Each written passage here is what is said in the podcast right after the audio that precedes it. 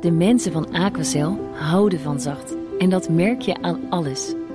Dankzij hen hebben we nu echt zacht water en een kalkvrij huis. Voor hun klanten zijn ze zacht. Dat zijn ze trouwens ook voor elkaar. Voor ons zijn zij de kracht van zacht. Aquacel. 100% zacht water, 100% kalkvrij. Wetenschap vandaag. En dan uh, flikt Carlijn het toch weer om ons gewoon terug te trekken die kerstsferen in Nee, nee, met deze niet, wetenschap vandaag. Oh, oké. Nou ja, goed. We gaan het wel hebben over oude kerstbomen. Want die gaan nu, als het goed is, langzaam de deur uit. Is die van jou al weg? Van mij is heel duurzaam en gemaakt van iets wat het elk jaar weer vanzelf doet, namelijk plastic. Heel duurzaam, ja. Oké, dan gaan we het hebben over recyclen.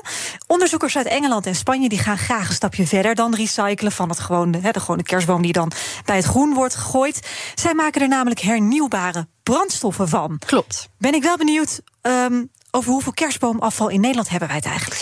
Ja, jaarlijks eh, worden er in Nederland zo'n 2 tot 3 miljoen kerstbomen verkocht. Mhm. Eh, in Engeland, een van de onderzoekers komt daar vandaan, zijn dat er zo'n 6 tot 8 miljoen. Eh, nou kun je kerstbomen.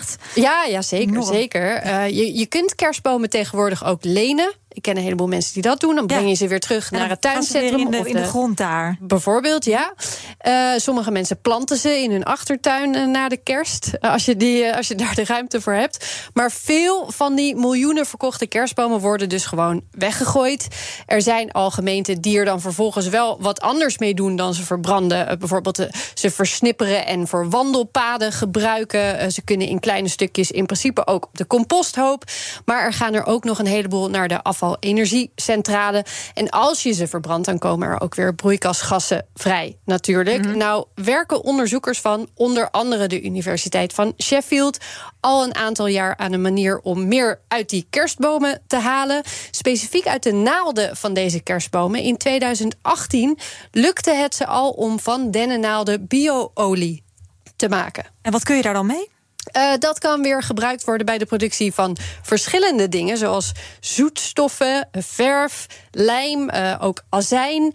Eh, maar in de jaren daarna hebben ze natuurlijk niet stilgezeten, vertelt onderzoeker James McGregor van de Universiteit van Sheffield. Since then, we've gone on and looked at the same process with different types of material. So we've looked at using um, avocado stones. We've looked at using spent grain from the beer brewing industry.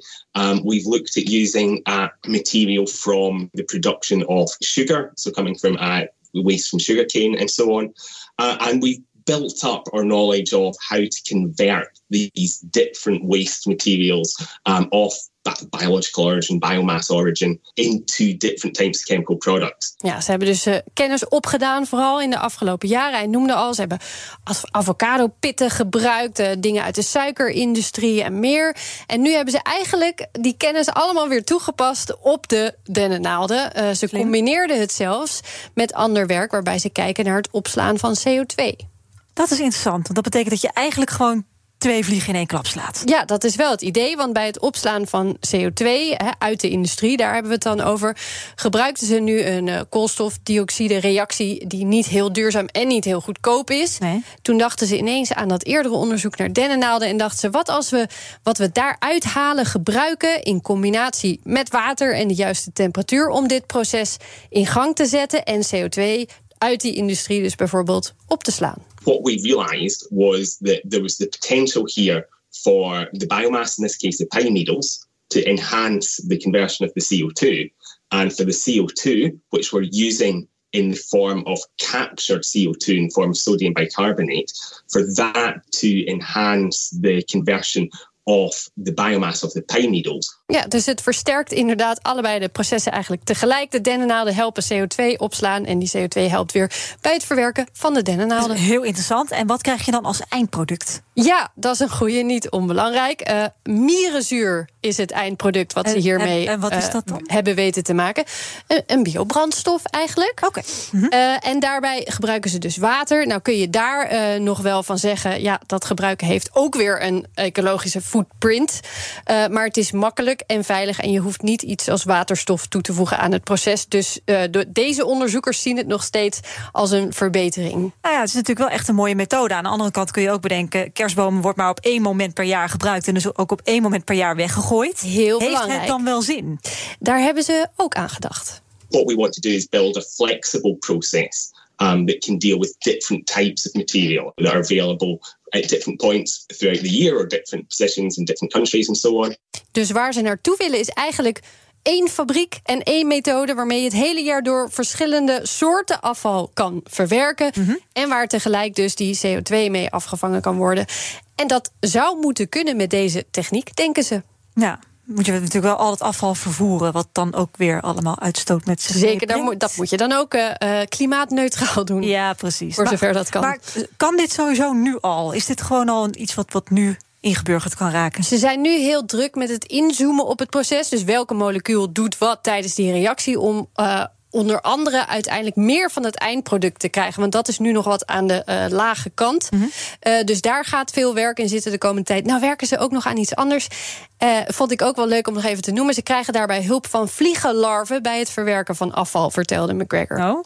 And the fly larvae convert it into fat, which we can then take again and use that as an oil source um, to produce chemicals and so on from. And then the, the remainder of the fly larvae can go into animal feed and things like that. Ze verwerken het tot vet? Ja, de vliegenlarven die produceren, die eten dat afval en Die produceren vet uit. vet en dat kunnen ze weer gebruiken. Nou, eigenlijk kijken ze dus en met hun vele onderzoekers natuurlijk wereldwijd, hoe kunnen we nog slimmer omgaan met dat wat we nu nog weggooien en hoe kunnen we daar zoveel mogelijk uithalen en zoveel mogelijk nieuwe dingen mee doen.